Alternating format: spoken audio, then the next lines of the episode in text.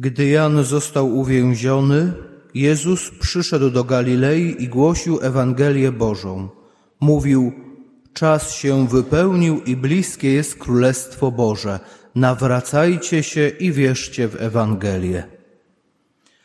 Przechodząc obok jeziora galilejskiego, ujrzał Szymona i brata Szymonowego Andrzeja, jak zarzucali sieć w jezioro.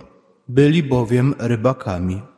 I rzekł do nich Jezus, pójdźcie za mną, a sprawię, że się staniecie rybakami ludzi. A natychmiast, porzuciwszy sieci, poszli za nim. Idąc nieco dalej, ujrzał Jakuba, syna Zebedeusza i brata jego Jana, którzy też byli w łodzi i naprawiali sieci.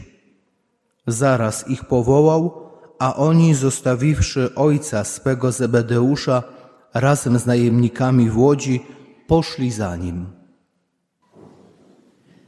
Dokładnie tydzień temu, pierwszy raz w życiu, leciałem samolotem, a przed wylotem napisałem testament.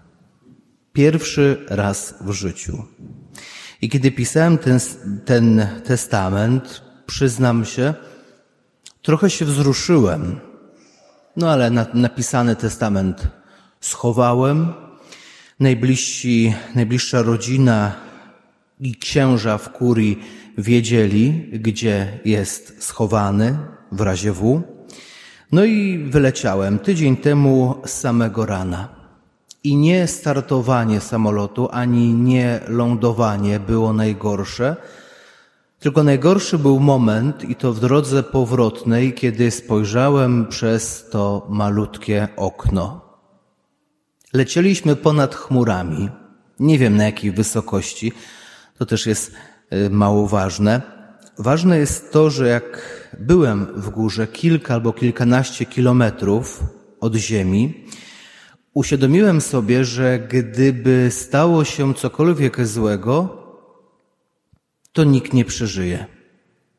Że tak jak wszyscy w tym samolocie siedzimy, lecimy, gdyby stało się cokolwiek, to wszyscy umrzemy i nikt się nie ocali. I ta świadomość była paraliżująca i motywująca. I właśnie ta świadomość ewentualnego nagłego końca mojego życia na nowo odżyła, kiedy przygotowywałem się do dzisiejszego kazania. Dlatego właśnie to dzisiejsze kazanie zacząłem tak, a nie inaczej. Ponieważ dziś nie tylko Ewangelia, ale cała liturgia słowa przypomina o nawróceniu i o końcu świata i każdego człowieka. Zacznijmy od pierwszego czytania. Jonasz miał nawracać mieszkańców Niniwy przed karą, jaką miał zesłać na nich Pan Bóg za ich złe postępowanie. Jak wiemy, mieszkańcy wspomnianego miasta nawrócili się, zaczęli pokutować i mogli dalej żyć. Ci mieszkańcy wykorzystali szansę, Bożą szansę, aby wysłuchać człowieka, któremu zależało, aby nie pomarli w grzechu. Idźmy dalej. Dzisiejszy psalm, ten psalm uczy nas powierzenia swojego życia tu na ziemi w ręce troskliwego Boga Ojca. Autor psalmu 25 prosi Boga, aby ten dał mu poznanie dróg, jakimi ma iść przez życie tu na ziemi, aby Bóg prowadził go tymi różnymi ścieżkami, aby Bóg był dla niego miłosierny, aby wskazał drogę wszystkim grzesznikom, a wszystkim pokornym, żeby pomagał czynić dobrze. Idźmy dalej. Święty Paweł w drugim czytaniu mówi bardzo, ale to bardzo konkretnie, i tu cytat: Czas jest krótki. I później wymienia kilka sposobów na nieprzywiązywanie się do dóbr i zachowań, które znamy na tym świecie, akcentując, że po drugiej stronie, w świecie życia wiecznego, wszystko będzie inne, ponieważ, i tu znowu cytat, przemija postać tego świata. Idźmy dalej.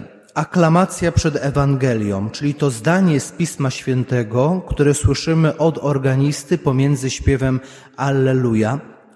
To zdanie jest krótkie i bardzo wymowne. I uważam, że w swojej prostocie jest tak bardzo wymowne, że nie trzeba go komentować i tylko je przeczytam. Bliskie jest Królestwo Boże, nawracajcie się i wierzcie w Ewangelię. No i ta dzisiejsza Ewangelia. Ewangelia, która najbardziej przypomniała mi mój pierwszy lot samolotem.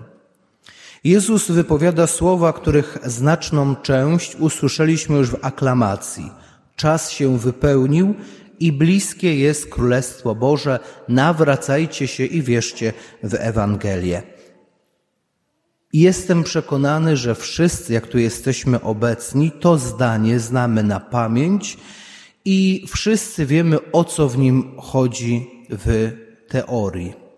Ale uważam też, że praktyczne zastosowanie tego zdania znają tylko ci, którzy przeżyli coś podobnego jak ja w samolocie, albo przeżyli groźny jakiś wypadek, albo przeżyli operację zagrażającą życiu, albo przeżyli śmierć kliniczną, albo, jak to się mówi, otarli się o śmierć. Są to wierzące osoby, które zdanie nawracajcie się i wierzcie w to, co mówi Bóg, biorą na serio. I tak jak siedziałem w tym samolocie, to wtedy, dopiero wtedy dotarło do mnie, że gdyby Pan Bóg w tamtej chwili powiedział mi, Kamil, czas się wypełnił, to to jest koniec życia tu na ziemi. Koniec parafii, koniec szkoły, koniec rodziny, koniec mamy, koniec przyjaciół, koniec wszystkiego. Że po Bożemu będzie dobrze, no bo stanę twarzą w twarz z Panem Bogiem ale po ludzku. Drogi bracie i droga siostro, czy jesteś gotowy i gotowa na to, że właśnie dziś skończysz swoje życie? Że to właśnie dziś wieczorem o 20.17 zapragną Twojej duszy? Czy oprócz spłaty rat kredytu, rozpoczętych projektów, i innych zobowiązań, czy jesteś szczęśliwy, czy jesteś spełniony, czy masz spełnione marzenia, czy umiesz wybaczyć i kochać tych, którzy Ciebie nie potrafią kochać, ponieważ pod koniec życia będziemy sądzeni z miłości. Moi drodzy, nie chcę, żeby po tym kazaniu wszystkie linie lotnicze zbankrutowały, ponieważ wikary w Opolu Gosławicach straszy i zakazuje latać. Oczywiście nie chcę tego, bo to nie jest celem tego mojego dzisiejszego kazania. Wręcz przeciwnie. Podróżujcie, zwiedzajcie, latajcie. Miejcie świadomość, że życie tu na ziemi jest jedno i że trzeba je na maksa wykorzystać. Ale pamiętajcie też, że na koniec swojego życia tu na ziemi trzeba być naprawdę solidnie przygotowanym. Bo gonimy, pędzimy, ciągle nam wszystkiego mało, a nikt z nas nie wie, ile czasu mu zostało.